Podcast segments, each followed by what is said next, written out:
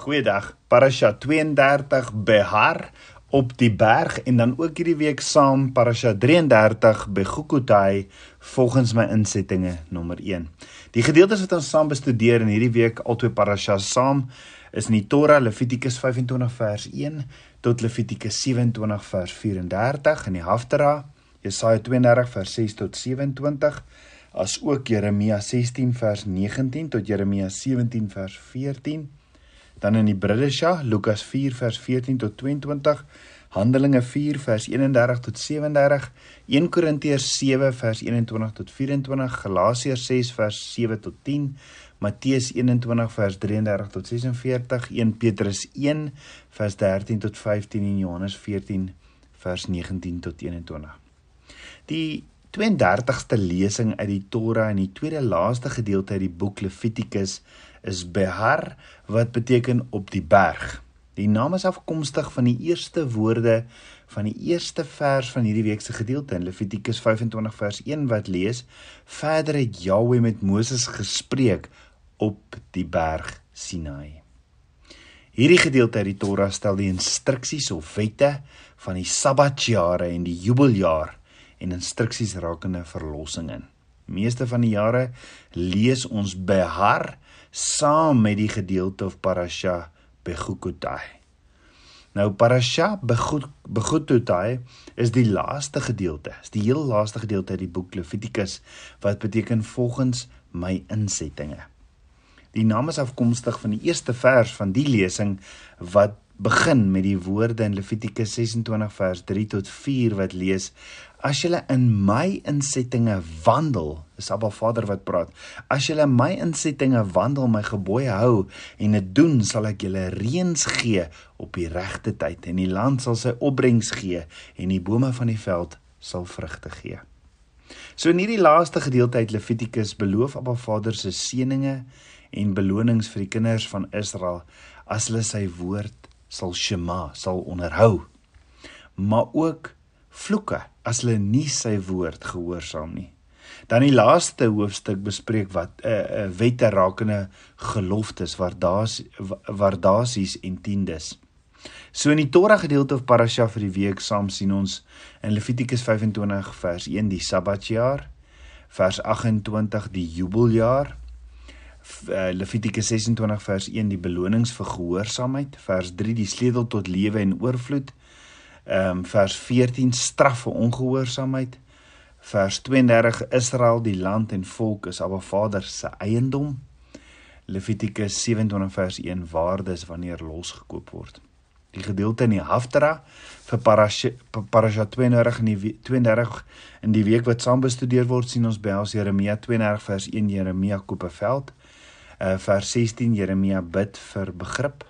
Vers 26 Abba Vader se versekering van die kinders van Israel se terugkeer. Die gedeelte in die Haftara vir Parasha 33 in die week wat dan saam bestudeer word is Jeremia 16 vers 14 die terugkeer uit ballingskap, Jeremia se gebed, vir uh, Jeremia 17 vers 1 Judas se sonde en straf, vers 4 vertroue na Ba Vader en vers 19 onderhou die Sabbat. Dit het ons ook die die Bresha gedeelte vir vers eh, vir Parasha 32 en 33 en dit het ons nou nou bespreek is Lukas 4 vers 14 Yeshua word uit Nasaret verdrywe Handelinge 4 almal vervul met die Heilige Gees. 1 Korintiërs 7 vers 21 is jy as slaaf geroep? Goeie vraag is jy as slaaf geroep? Galasiërs 6 vers 7 tot 10 wat jy sê is lê my Ehm um, dan kyk ons ook in Matteus 21 vers 33 die gelykenis van die landbouers. 1 Petrus 1 vers 13 die vermaaning om heilig te wees en Johannes 14 vers 19 wie Yeshua liefhet sal wie Yeshua liefhet sal wat doen. So die eerste gedeelte of parasha begin met die instruksies dat 'n dat 'n Israelitiese boer sy land elke 7de jaar moet laat braak lê. Dit word die Sabbatjaar of die Shemitah genoem.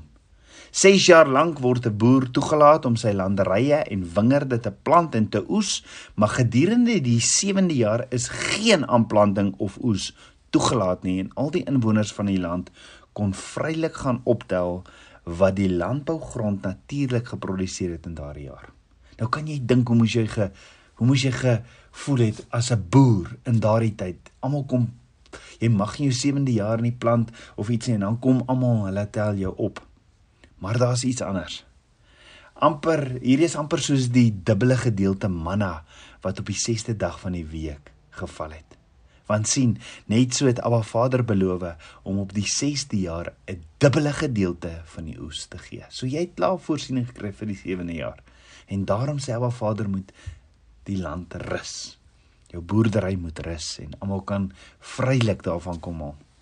Daarbenewens het Abba Vader ook die instruksies gegee dat die kinders van Israel sewe siklusse van 7 jaar moet tel, 'n totaal van 49 jaar.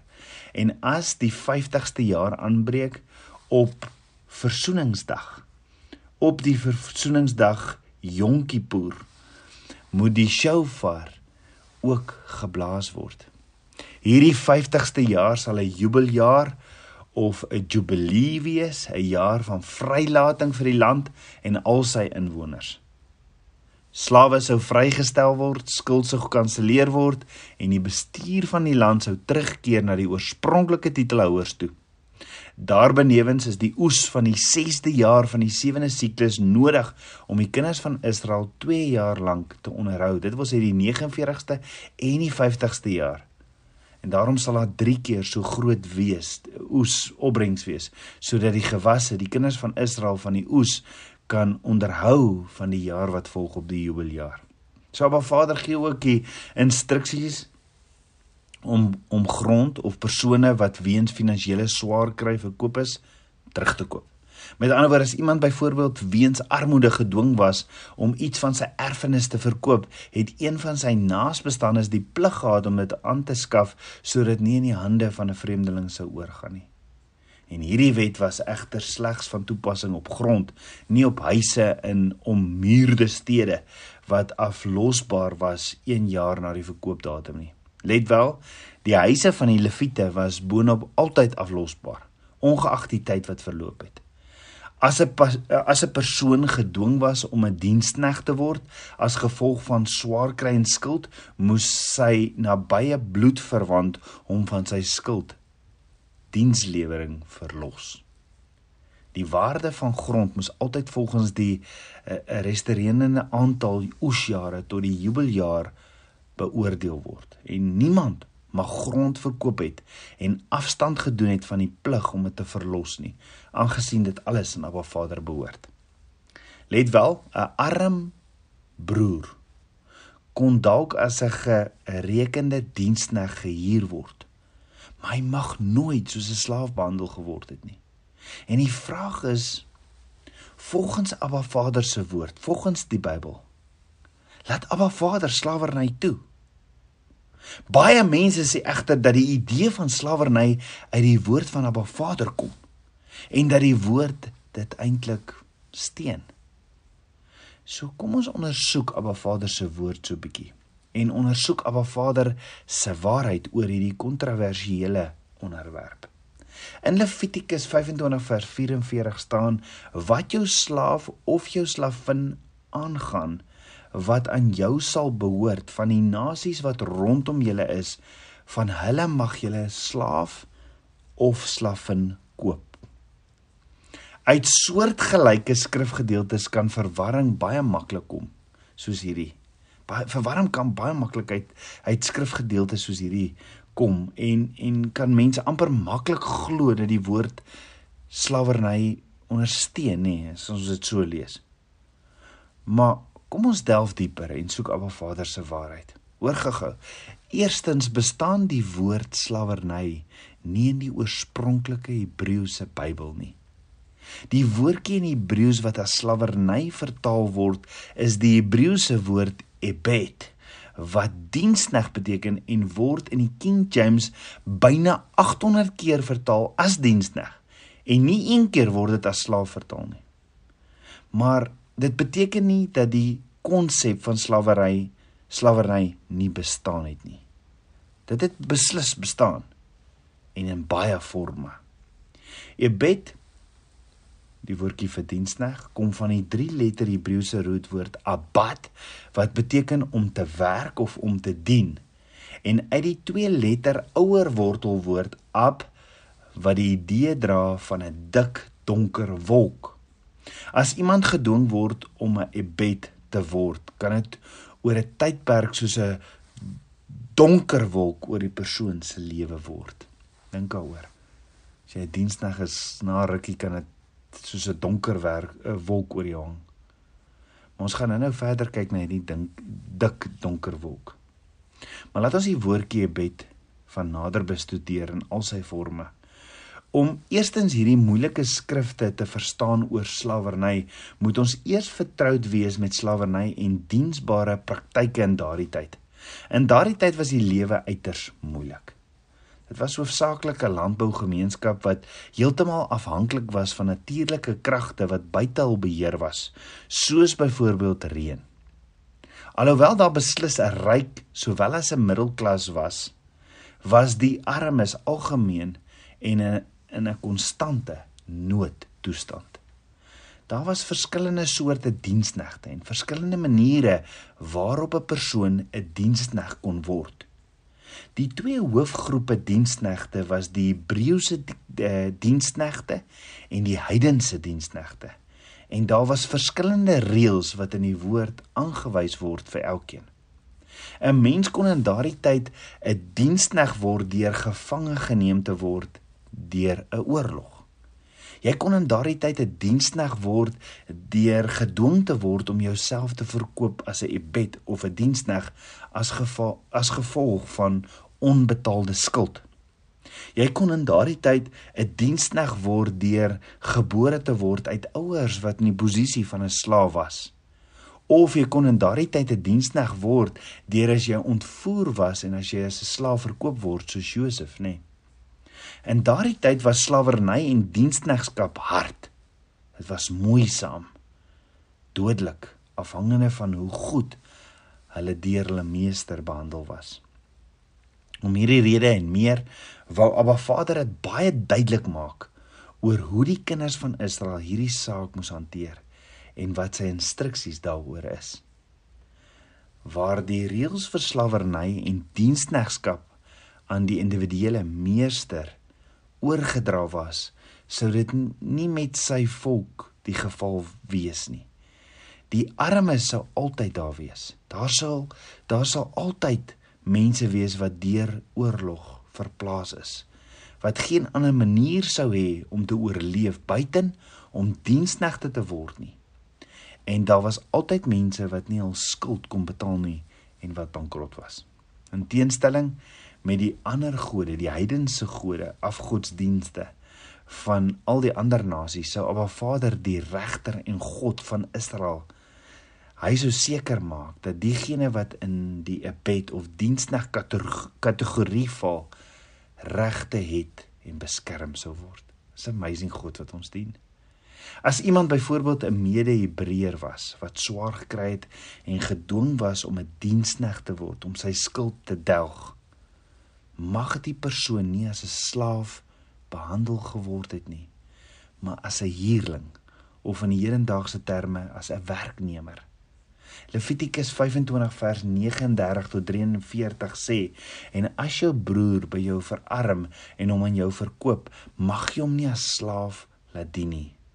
Soos 'n dagloner, soos 'n bywoner, moet hy by jou wees tot die jubeljaar toe. Moet hy by jou dien. Dan moet hy vry van jou weggaan, hy en sy kinders saam met hom, en hy moet na sy nageslag terugkeer en die besittings van sy vaders teruggaan want hulle is my knegte wat ek uit Egipte land uitgelei het. Hulle mag nie verkoop word soos 'n mens se slaaf verkoop nie. Jy mag nie met harde hardheid oor hom heers nie, maar jy moet jou God vrees. Met ander woorde, hy moet 6 jaar by sy werkgewer werk en gedurende die 7de jaar vrygelaat word.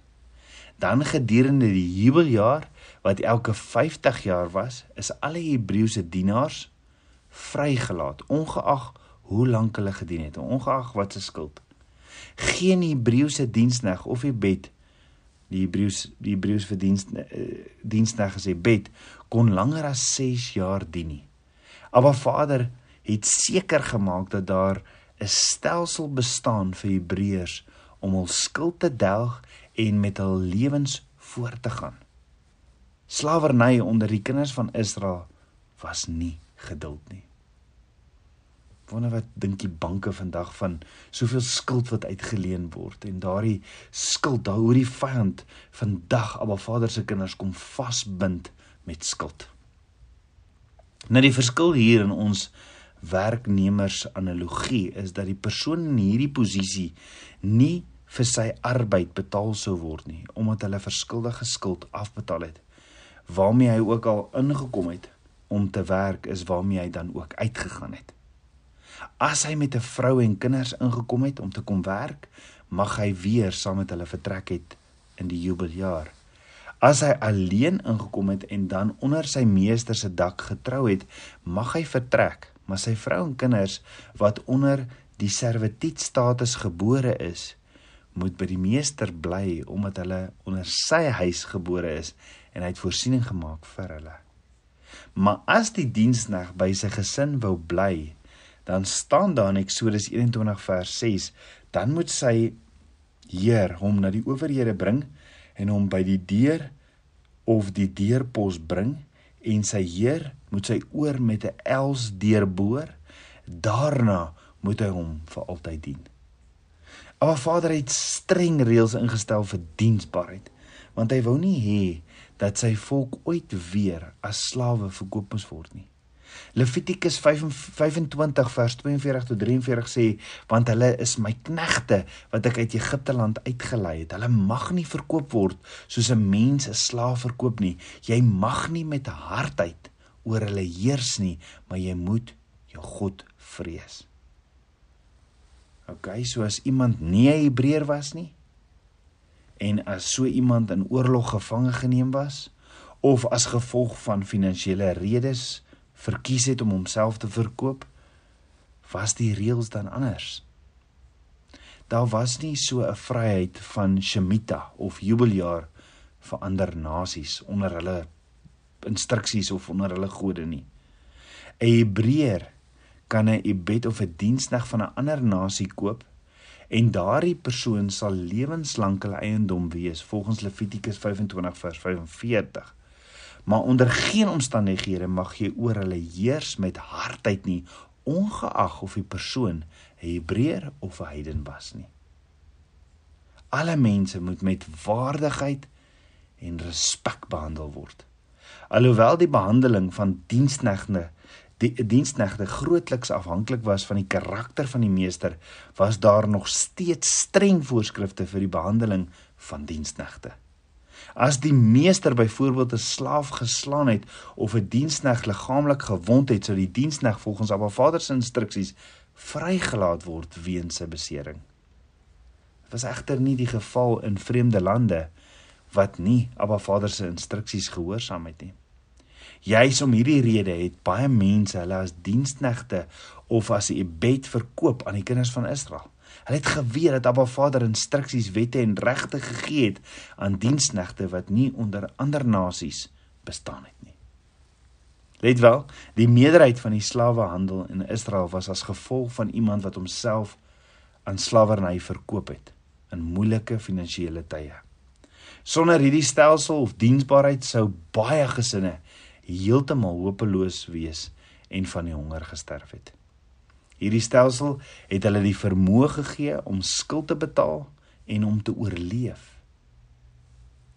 Vir Hebreërs was daar altyd 'n lig aan die einde van die tonnel met Abba Vader se instruksies dat 'n mens net 6 jaar kon werk en dan is almal op die jubeljaar vrygelaat. Hierdie diensknegstelsel was so algemeen en so verstaanbaar en so deel al eh, so deel van al die kulture dat die vrouens hulle beste klere sou aantrek as hulle mans oorlog toe sou gaan. Want as hulle man sou sterf, sou hulle hulle self so aantreklik gemaak het vir die wensoldate sodat hulle vir hulle kon sodat hulle hulle kon koop as diensbares. Hulle het geweet dat hulle fisieke lewens op die spel was en as hulle nie na die geveg gekies sou word nie, sou hulle waarskynlik sterf weens die strawwe omgewing wat ontstaan het na aanleiding van 'n oorlog getuisterde dorpie waarna hulle sou agterbly. Prakties hoe dit alles verband hou met ons vandag. Wat beteken dit vandag vir ons? Dit het baie met ons te doen. En is feitelik die hele fondament van die hernieude verbond. In die eerste plek is die diensneg posisie gebaseer op skuld. As iemand nie sy skuld kon betaal nie, moes hy homself aan slawerny verkoop.